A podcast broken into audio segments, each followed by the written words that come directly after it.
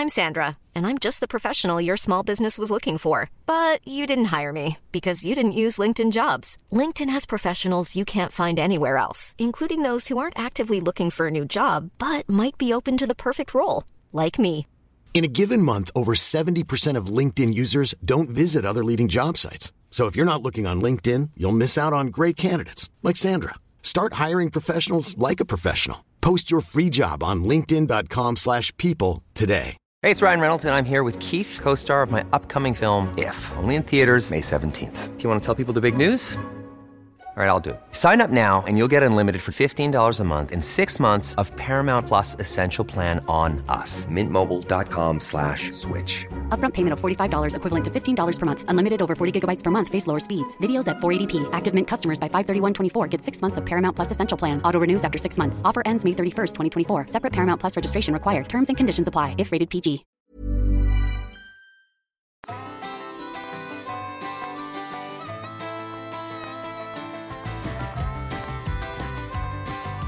Ja, Kalle, vad gör du? Uh, nej men jag... eh, jag försöker kronografera en bössa, uh, ordna ett hemligt födelsedagskalas och eh, göra vårbruket på gården samtidigt. Hur tycker du det går? Det går både bra och dåligt kan man väl säga. Ja, men vi surrade ju för ett tag sedan. Kronografen ville inte vara med, låter det som. Alltså, alltså, jag ska inte snacka skit om, om Lab Radar, men den, den verkar ju väldigt fin eh, som kronograf. Alltså den verkar ju, och jag har fått den att funka förut, men nu vill den inte starta överhuvudtaget. Jag måste ha gett upp. Det är bara det där när man, när man liksom tar sig, alltså nu kan jag ju skjuta hemma, men det är ändå så här, det är lite plocka ihop lite grejer. Det är lite krångligt och liksom, man får konka en bit för att komma till skjutbänken. Man, man kommer dit och så bara, nej, så stannar det av, så går det inte. Och så, samtidigt ringer någon och samtidigt så måste man skicka ut inbjudningar till det hemliga födelsedagskalaset och samtidigt så, så har du sagt så här, vi, om vi inte hinner, om jag inte får äh, äh, ballistiken, om jag inte får utgångshastigheten på bössan idag så kommer jag inte göra en ballistiktidtabell och då hinner vi inte skjuta långt på fredag. Du hör, du hör Lill-Oves hot ekar i bakgrunden. När hon på. ja, fy fasen. Ja, vi ska försöka göra, eh, vi har ju gjort eh, två första delarna i en liten serie om att, att skjuta på långt håll. Ja. Exakt. Eh, och eh, eh, det har ju varit superkul att få lära sig. Jag har fått lära mig jättemycket bra tricks för att inte skjuta som en jävla kratta. Men nu ska vi försöka göra grande finale. Jag ska skjuta på en kilometer. Det blir spännande. Kanske inte ett jaktskott. Nej, det får man ju säga att det inte är. Men, eh, och då måste man då ha rätt utgångshastighet på kulan i rätt gevär för att kunna räkna ut. Får jag, säga, får jag, får jag eh, chansa om jag, om jag har fattat rätt då? Men kör, kör. Ja, då är det så här. Då tror jag så här. Säg att min kula går ut med 700 meter per sekund. Mm. Gravitationen är densamma om man släpper någonting från handen eller om man skjuter ut ur en bössa. Alltså kulan faller lika snabbt mot marken. Men den hinner ju komma väldigt långt fram om man skjuter den ur ett gevär. Exakt. Stämmer det här eller? Ja, men alltså gravitationen är väl konstant, men exakt om den, ja, den, alltså, den påverkar ju, det är väl vikten och storleken på kulan som påverkas av gravitationen naturligtvis. Just det. Så, så då är det bara att man ska veta, om jag ska skjuta på 1000 meter, då, då, då säger vi att det tar 1,2 sekunder för min kula att komma dit. Då ska man räkna ut hur långt kulan hinner falla med hjälp av gravitationen på 1,2 sekunder. Det är ju fränt. Har jag fattat rätt eller? Ja, men det där, jo, men så är det ju i stort sett. Ja. Och för det måste man ju ha, hur fort går kulan när den lämnar bössan? Just det. Och det, det är ju det man mäter med en kronograf. Ja. Och då kan man ju typ dra en 10 skottserie och så får man ett snittresultat och så gör man en ballistiktabell ut efter det. Just det. Och så måste du ju ha vad det är för kaliber, kulvikt och det här BC, alltså det har vi tjatat om förut, ballistisk koefficient. Hur bra färdas kulan genom luften? Det är också för att kunna räkna ut. Just det. Alltså har den en liten fallskärm efter sig eller har den inte det? Ja, men precis. Är den, är den klotrund som gamla blykulor eller är den torpedformad som många nya kulor är? Just det. Det gör ju också skillnad. Jag gissar att de har bättre BC om den är torpedformad. Ja, precis. De flyger ju mycket tacksammare, lättare, bättre genom luften. Och då får man ju en ballistiktabell. Och jag vet inte, vi kanske gör upp till 1200 meter på din tabell. Mm. Alltså om det blir för lätt på 1000 meter. Ja, men precis. Jag kollade faktiskt vad det skulle vara för vind när vi ska skjuta. Vi ska väl skjuta kanske på fredag va? Ja, Vad har vi idag? Måndag? ja men exakt. Det såg ut att inte blåsa jättemycket, så där ska, vi, ska det nog lösa ut. Ja, det var ju skönt. Eh, nej men sen är det ju alltid, det är alltid, vi ska åka iväg. Vi ska ju på, på blir det onsdag kväll eller torsdag morgon? Har du bestämt? Ja, men det lär väl bli torsdag morgon då. Ja, eh, och alltid när man ska iväg så, så blir det ju stressigare innan. Och om man då har lite, lite smällpackat i sitt schema, då, då blir det så här. Till exempel att jag hade glömt bort den här inspelningen nu. Ja, men det vart ju bra då. Men det här måste ju vara, alltså vi är ändå van att ta med oss prylar och joxa och fara och jaga. Och, men det här känns ju nästan som något av, i alla fall för mig, som något av rekordlogistik när det gäller jakt. Minns du när vi jagade björn och ren och älg och det där? Ja, men, jo, men det minns jag ju. Eller så har jag förträngt det.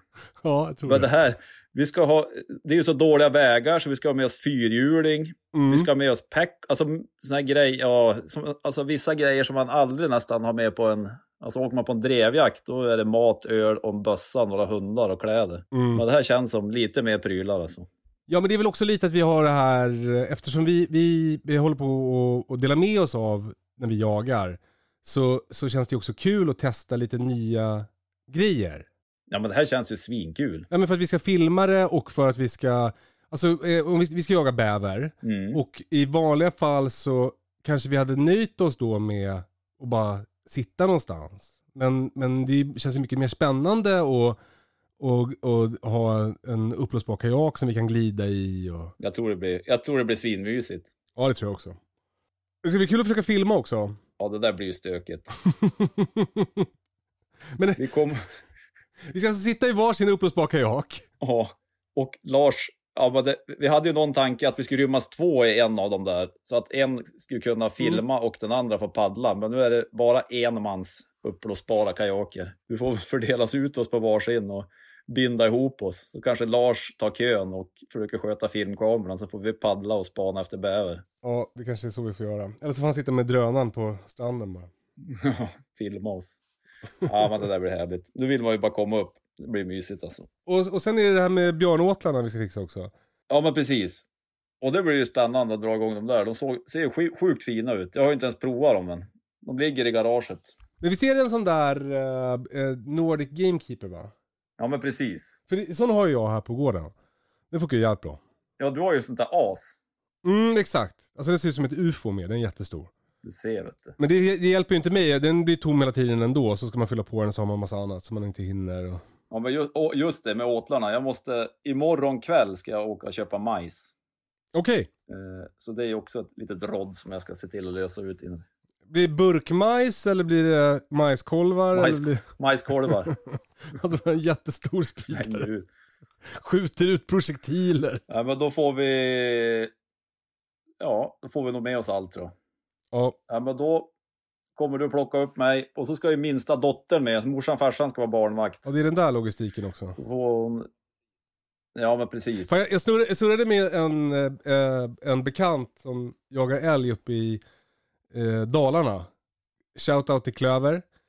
Eh, och han sa att de skulle inte jaga älg i höst. Eh, för att de har ingen älg. Är det så pass? Alltså? Och då, då, hade deras, då hade hans son börjat grina. Oj.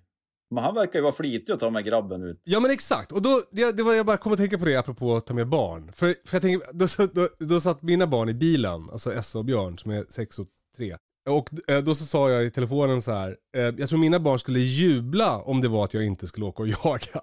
Och då, då jublade mina barn. Men han är ju lite äldre grabben där. Men alltså det är ju också, han verkar ju sjukt peppad. Han sitter på pass när det är kallt och ja, kär och intresserad. Ja, kul. Ja, men hur, hur gör man det där? Alltså hur, hur får man ett jaktintresserat barn? Ja, men det måste ju vara, ja, men det måste ju vara 100% på deras villkor. Vi har ju haft med ut någon Ja. gång, men, och vi har ju haft med, eh, ja men Essa och min mellandotter har ju varit med Mm. på älgjakt någon gång. Men det, ja, men jag vet inte. De tycker väl att det är kul att hänga liksom och sitta och elda och kanske grilla någon korv. Ja. Men jakten tror, känns det som att de sket fullständigt i. Och det är kanske är så man får tänka då, att man får ta det lite, man får ha det lite som, att jakten får vara sekundär. Ja, men så är det väl.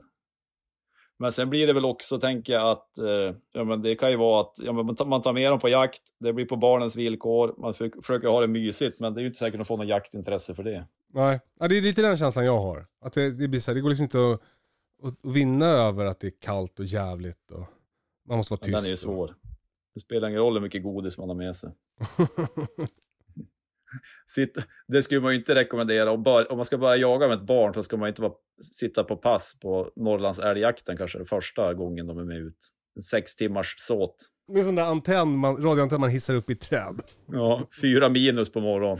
Fy Då blir det kärvt alltså. Eh, Men samtidigt som jag har allt det här som jag eh, liksom, eh, ska lösa inför jakten och i mitt vanliga liv så har jag också fullt sjå med att eh, tjafsa med eh, eh, snubbar på internet.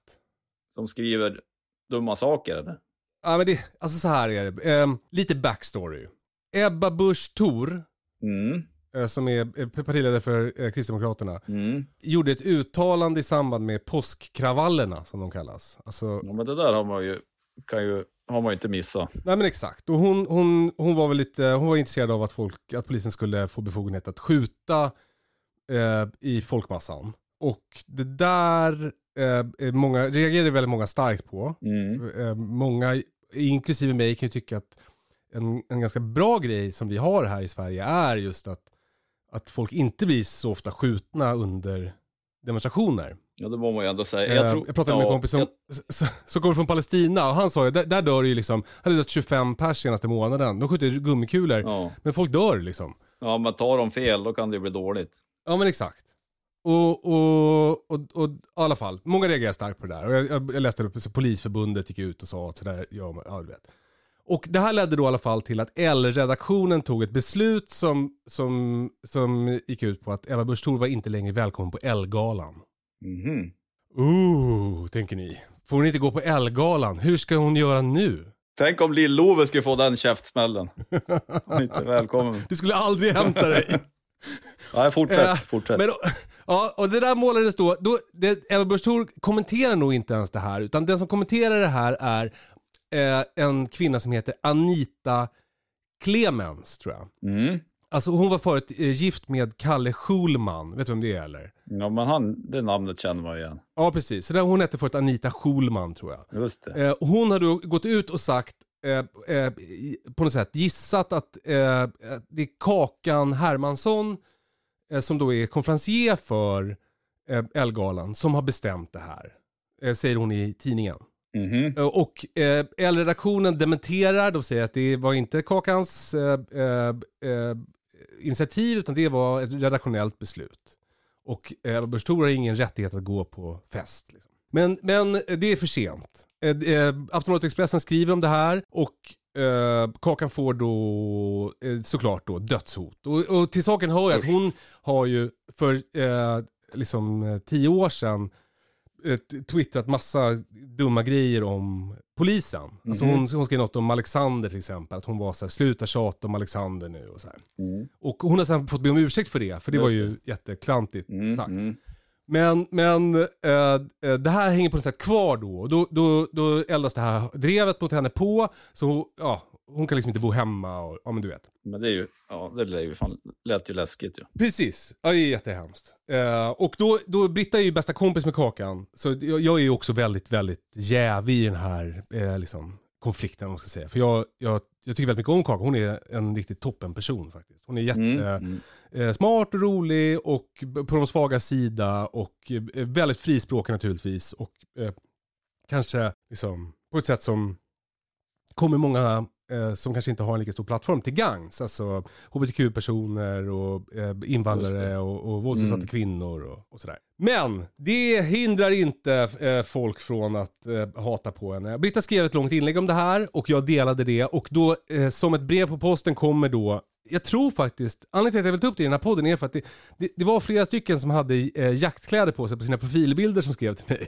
Så jag tänker att det kanske är eh, vissa som är jägare som reagerar väldigt starkt på det här. Mm. Och det är ju, eh, det är allt från att eh, Kakan har förnedrat poliser, eh, så att hon förtjänar det här.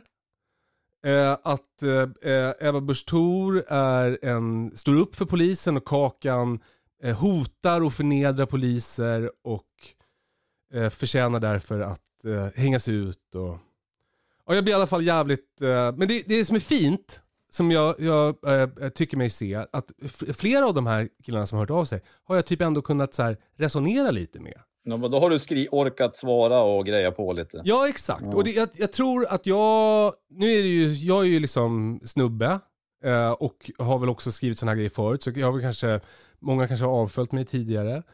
Eh, men men eh, det är inte jättemånga, det, det är kanske tio som har skrivit till mig. Liksom. Och då har jag bestämt mig för att jag hinner liksom, jag har tid typ att skriva till alla dem. Mm.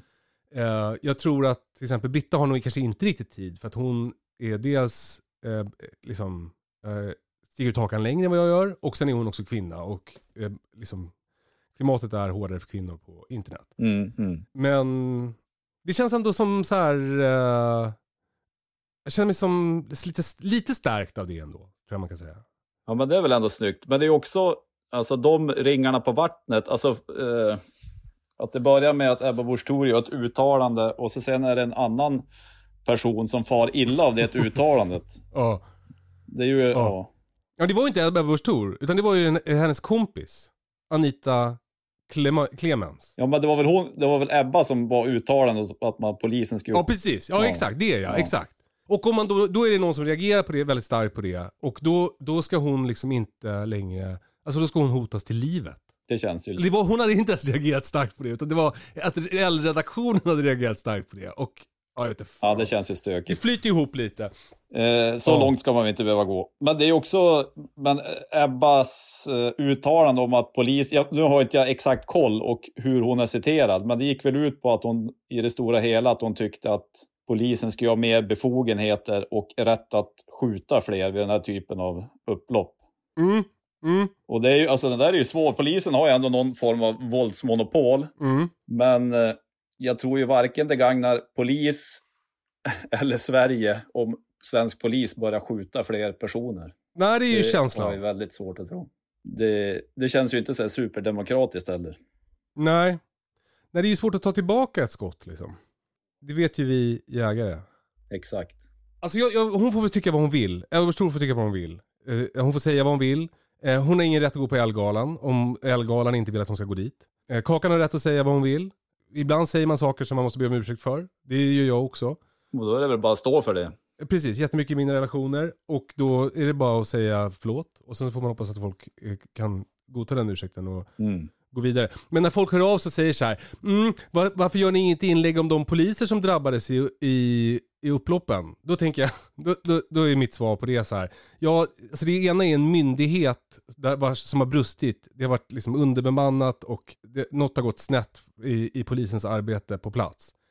Eh, Det, är liksom, det andra är en ensam kvinna med barn som, liksom, som hängs ut och som dödshotas. Ja. Det, det känns som ett givet vem jag, vems parti jag tar där. Jag, jag, jag liksom tycker att eh, eh, jag är liksom för polisen. Jag, jag tycker att eh, polisen ska ha befogenhet att kunna göra sitt jobb.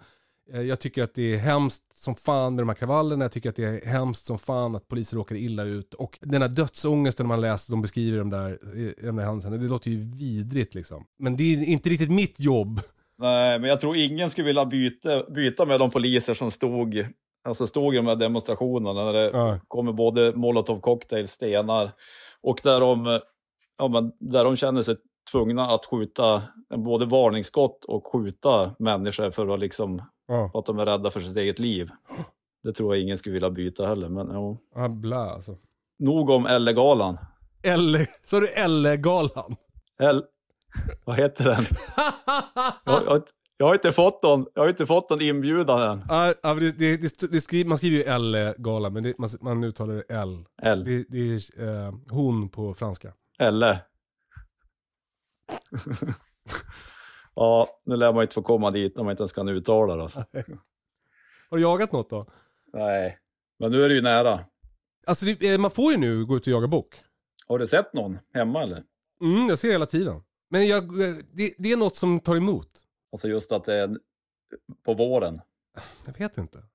Det känns fel. Du brukar ju vara flitig på bockpremiären i augusti. Mm, jättenoga med det. Och jag älskar ju också jakt på våren, alltså bäverjakten och allt det där. De här eh, vackra kvällarna med fågelsång och att komma ut och se naturen spricka ut. Och, alltså det är något fantastiskt med att sitta i skogen på våren. Men ändå så känns det liksom inte alls lika angeläget som, som det borde göra. Men jag brukar också vara hyfsat flitig på bockpremiären.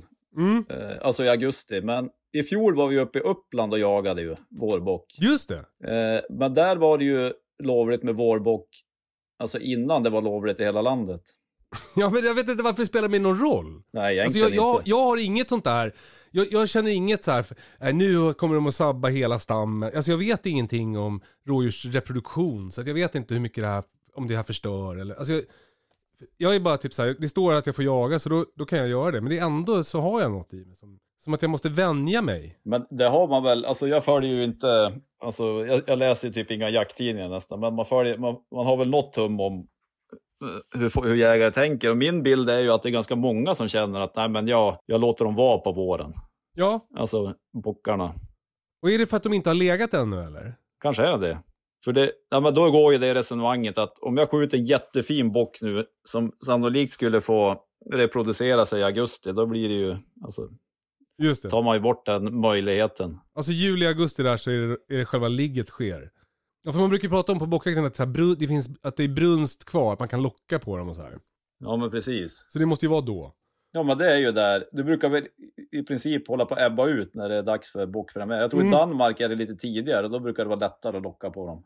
Ja, Men det skil- kan väl skilja några dagar hit och dit per år, eller varje år. Precis som det gör med älgbrunsten. Ibland går det att locka innan uppehållet, på hö- alltså höstuppehållet på älgjakten i Norrland. Och ibland går det inte, och ibland går det att locka efter uppehållet. Så det kan väl skilja lite grann, tänker jag. alltså det, det där med lockjakt är ju för jävla risigt. Alltså det, ja men det är alltså en älg, en kåt älg, som liksom vars hela som väsen, hela det biologiska arvet skriker ligg med en sexig älgko. Och, och så, så sitter det någon jävel i ett torn och bara låt, låtsas vara en sexig älgko. Det är grooming är vad det är. Det är taskigt. Och sannolikt den här tjuren som du pratar om nu har ju säkert klarat sig undan jägarna några år också. Exakt. För är det en pinntjur då kanske det inte är så sannolikt att han får möjlighet att para sig. Nej. Så han duckar några, några älghundar och kulor under årens lopp. Och sen bara... Och så sen- mm, mm, mm. Sitter en medelålders man, skulle kunna vara Lill-Ove, och blåser i en näverlur. och en myr. Ja, men jag tänker att det är som så här killar som låtsas vara, eh, liksom gubbar som låtsas vara unga tjejer på internet. Ja, men lite så. Alltså är väl, det är väl motsvarande. det är i alla fall en liknelse. Det är alltså grooming, älggrooming. Ja, men, och, Då har vi också titeln på poddavsnittet. Ja, så får det bli. Men, ja, men precis. Han ju, tänk om man skulle vara den älgtjuren själv och så bara, jajamän, nu händer det. Och så får man en, får man en eh, 762 i bredsidan istället. Det är som natt och dag alltså. ja. ja, verkligen. Alltså man kunde ändå fått liksom, om man hade haft en, eh, en älg, eh, eh, uppblåsbar älgdocka. Så att den fick så att säga go out with a bang. Att den fick göra sitt först. Ja, men precis. Och så, Men det är ju också, alltså jag har ju lyckats eh, locka in någon eh, råbock någon gång och det är ju också svinhäftigt faktiskt, när det funkar. verkligen. För de brukar ju vara ganska skrajsna större delen av året. I alla fall de som, ja, om de inte bor, om de som har, vi har ju trädgårdarna i Sollentuna är ju inte så skrajsen, men de man brukar jaga brukar ju vara lite hispiga alltså. Det där visste jag från eh, när jag bodde i radhus. Alltså vi hade ju rådjur där också. Och om man har varit och jagat bock och så har man inte sett någonting. Man har gått upp klockan tre på morgonen och smugit runt och ålat i diken och misslyckats. Och så kommer man hem och så står en jävel i, liksom, på fyra meters avstånd och tittar på en. Ändå Den finaste bocken du har sett. Ja, exakt. De kanske kommer anpassa sig till, till människorna i framtiden. Bo lite mer i symbios med oss. Ja, men så kanske det är. Men det, men det är väl också det här med, ja men det finns ju en del skogsrådjur, men de trivs ju, känns ju som de trivs bäst där det finns odlad mark, alltså åkermark, Mm. där, det, där de Mm. har lätt att komma åt mat. Och det är ju, på vissa ställen i Norrland eh, växer ju åkrarna igen. Och det är väl kanske inte bara i Norrland, men där man väljer att plantera igen dem, för det är ingen som liksom skördar eller använder det som åkermark eller bete för kor och så vidare.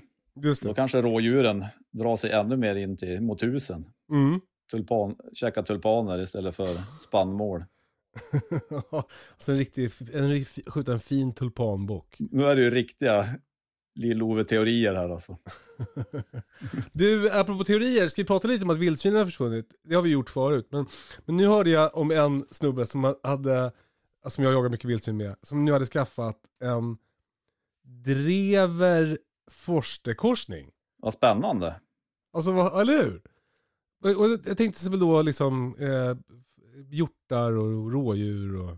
Det, det är kanske är jätteoetiskt, jag kommer inte säga vem det är, men, men jag tyckte ändå att det var spännande. Alltså a sign of the times. När jag och Lex var nere på den här jaktmässan som Astro Sweden hade, Ja, då var ju bland annat Peter Ekeström, ja. den härliga jägaren och Hundgurun. hundgurun. Och så var ju Mikael Tam där, han är ju också en jävla ruttad jägare. Ja, ja verkligen. Och då började vi diskutera det här med, eh, lite, ja, med hundar hit och dit och korsningar, att väldigt många har skaffat korsningar för vildsvin. Ja, Och då kom det upp att, ja men när Peter var ung, då var det ju mycket drivande hund, alltså man jagar rådjur typ. just det. Det fanns ju inga vildsvin. Och, eh, och så började vi prata vidare om jämthundar. Att, eh, ja, men det, det är ju en jättestor ras i Sverige nu. Den har ju vuxit. Det är väl största, alltså den är överlägsen på älghundsras, hur många valpar det är per år. Och jag en. Och så just det här med att, eh, ja men det kan ju svänga. Är det en superbra rådjursstam och man jagar med en bra rådjurshund, då kanske man blir sugen på att skaffa en själv. Mm. Och nu när det har varit mycket vildsvin senaste, ja men det har ju varit, sen du och jag började jaga tillsammans så har det ju Ja. varit jättemycket vildsvin. Och då är det många som har haft antingen spetsar eller korsningar för att jaga vildsvin. Men då blir det sämre med vildsvin, då kanske man får upp ögonen för andra hundraser som jagar annat klövvilt på ett ändre, an, bättre sätt än vad Ja, vildsvinskorsningar gör exempelvis. Så det är ju ganska naturligt att det blir sådana svängningar beroende på hur Ja. viltstammen ser ut.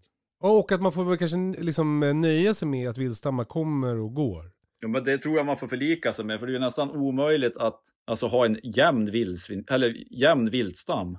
Mm. För det gör ju, om man ser på björn så gör man ju spillningsinventering och så kollar man DNA och så hur många björnar finns det i Jämtland. Och jäkla vad många björnar det finns, vi måste skjuta fler. Ja. Och så skjuter man fler och så tänker man, ja men nu har ju stammen gått ner. Och så kanske den har gått ner mer än man trodde att den gjorde.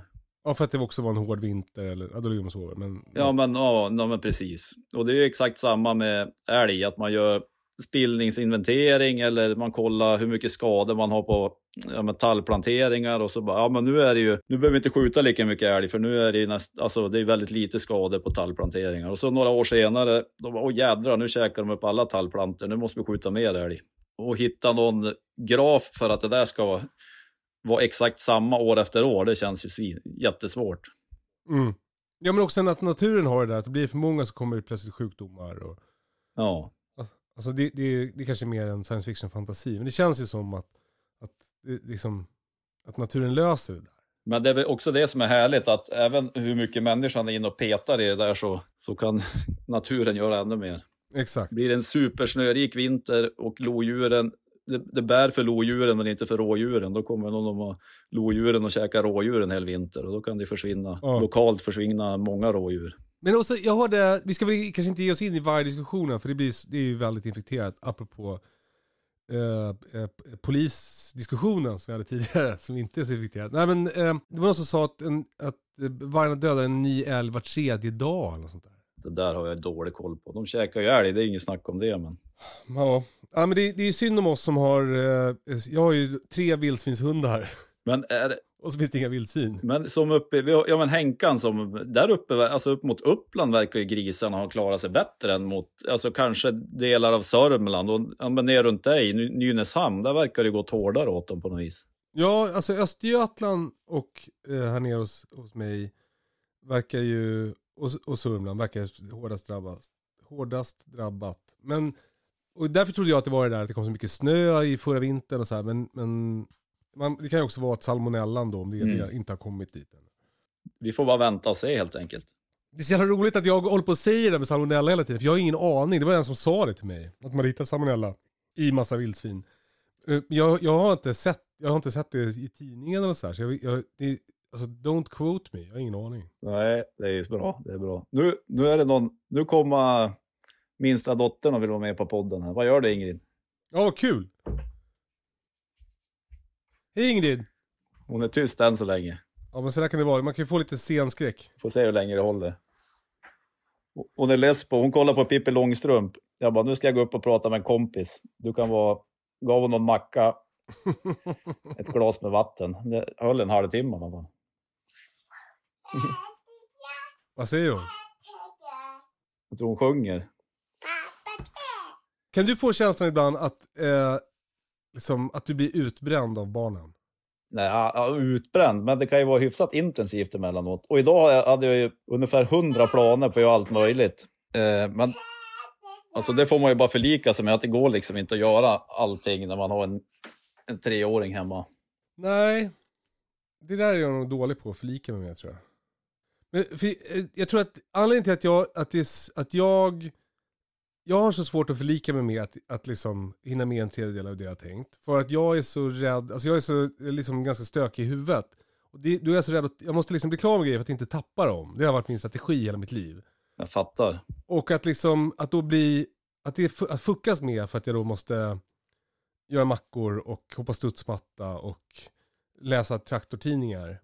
Då, då tappar jag grejer och så skaver det som fan i mig. Och därför blir jag utbränd av mina barn. Jo, men det är väl det, men lite det, alltså, som jag sa, man får bara förlika sig med att det går liksom inte att hålla på i vanlig takt Nej. när man har ungarna hemma. Och det är väl alltså, nu har vi haft en svinhärlig dag. Vi har studsat studsmatta, varit och spelat fotboll, lekt i lekparken. Och så eh, ska jag jobba rätt mycket innan vi åker upp till Brink och jagar bäver, så jag hoppar och packar lite. Mhm. Men då blir det så här bara, börjar hon ropa. Och så sen när man har fyllt en väska, bara fasen jag packa egentligen. Och man har sprungit emellan och joxat med allt möjligt. Jag Ja, ste- du, det stör mig. Ursäkta mig Ingrid, hon håller på att läsa en bok. Ja, men så det där är ju, det är ju svinhärligt, men man får inte så mycket gjort. Det stör mig. Jag, jag hade också så, alltså jobbig lämning på förskolan i morse. Alltså min dotter var ledsen. Eh, Jag tror att hon, hon ska börja skolan till hösten, så jag tror att hon börjar känna sig liksom lite klar med förskolan så här. Och, och det är bara en månad kvar. Och sen så är det lite fnurra med någon kompis och så här. Så då bara, för jag ska ju hem igen, för jag, jag jobbar ju hemifrån. liksom. Jag, jag har massa grejer som jag måste jobba med. Men, ja som sagt, eh, i början av podden, jag har jättemycket att göra. Men då tänker jag så här, ah, fan jag bara tar hem henne. Det spelar inte liksom någon roll, hon kan ju bara vara, hon är så stor, hon kan ju bara liksom glida runt och leka med sina grejer. Jag snackade med, med eh, Britta om det där sen. Och liksom, alltså, att det kanske är bra att lära sig att, att liksom gå, gå i, på förskolan, även om man inte får leka med exakt den man vill och sådär. Ja, men det lär väl vara svinbra, för man tänker att det- där fortsätter ju i resten av livet. Ja exakt, och, och precis. För, för, för det är ju grej som jag kommer på nu när jag är 40, att liksom ett misstag som kanske mina föräldrar gjorde var att, jag, att de kanske de skyddade mig lite mycket, alltså curlade mig lite mycket tror jag. Ja, Alltså att jag, jag, då, det, vi, vi höll inte på så mycket att prata om känslor och vi, man fick liksom inte känna så mycket känslor. just det. Det sa Britta också häromdagen med, eh, alltså hon och Essa, spelade något spel. Och så, så var det som att eh, Essa liksom, eller Britta vann. Och, och Essa blev som upprörd och sånt där. Och då så sa jag så här, det, till Britta typ, det är bara ett spel. För jag brukar ju typ lägga mig mot barnen. Typ Ja, om Essa och jag det. har springtävling så här. Det har vi ganska ofta. Då, då är det alltid att, att hon vinner. Just det. Och hur gör du med det? Ja, men det, men det är ju också mina kan ju bli förbannad. Men det, det är ibland, ibland eh, gör jag med, ibland kör jag över dem. Ja, men det, det, tror jag är, det tror jag är perfekt. Ja. För, för Britta sa då bara i alla fall, som, det så gjorde så jävla starkt intryck på mig, att, att få öva sig på känslor av liksom kanske skam och, och känna sig liksom, som att, alltså det där att förlora, och, förlora. Att få Ja, öva sig på det hemma i trygga miljön med föräldrarna är ju tusen gånger bättre än att, kom, att aldrig få känna de känslorna hemma och sen komma till sitt egna liv med läskiga kompisar och då för första gången i den otrygga miljön på typ högstadiet få känna de där känslorna. då kan det bli en jävla uppförsbacke naturligtvis. Men så Ja, där är exakt. det ju. Som att ungarna ska till förskolan, vill inte dit. Det är väl lite känslan man har ibland att fasen idag ska jag inte vilja dra till jobbet, jag har annat Nej, att göra. precis. Eller jag ska hellre sticka och jaga eller vad fasen som helst. Så det finns ju säkert lite paralleller. Mm. Jag sa sist när vi hade springtävling så sa hon så här, pappa det är som att du saktar in på slutet. Det är mjölksyran. Jag har så ge, Mjölksyra. Ge, genomskådat mig. Ja, det är mjölksyra. Exakt. Ja, jag ska börja vinna tror jag lite. Alltså visa vem som eh, bestämmer ibland. Men du, jag kommer ju ner och hälsa på sen. Ja, kul! Hur många timmar tror du det kommer att ta att göra ett nytt land och gräva ner alla tobaksplantor i jorden? Mm. Ska jag ta med pannlampan? Jag tror att du ska ta med pannlampa. Eh, vilken tid kommer du? Fyra, halv fem, halv fem kanske. Eh, jag tror att vi kommer att få hålla på. Men Det så, det, jag tror att vi kommer kanske, när vi ska göra ett nytt land så tror jag att vi kör taktiken lägga ut eh, lite kartong och sen hälla på jord. För hälla på jord kan vi göra med traktorn och det går ganska snabbt. Och sen så, jag har ett land från förra året där vi ska trycka ner tobaksplantor. Men där tror jag att det får plats typ kanske hälften av alla plantor vi har. Eh, men vi kommer att få hålla på. Men du, ladda kaffebryggaren. det ska jag göra. Ja, men du, eh, är vi klara eller? Nu känner, vi oss, nu känner vi oss nöjda. Jag ska vara barnvakt här en sväng också åt, åt en polare till Ingrid vars mamma har ett möte på jobbet. Fast hon jobbar hemma men har ett möte så då kommer, kommer en till liten knodd hit strax. Mhm. Och efter det sticker jag mot kärret. Ja men gud. Mm. Ja, det är fint. Kör försiktigt då. Ja men det är bra. Vi hörs. Hej. Hej hej.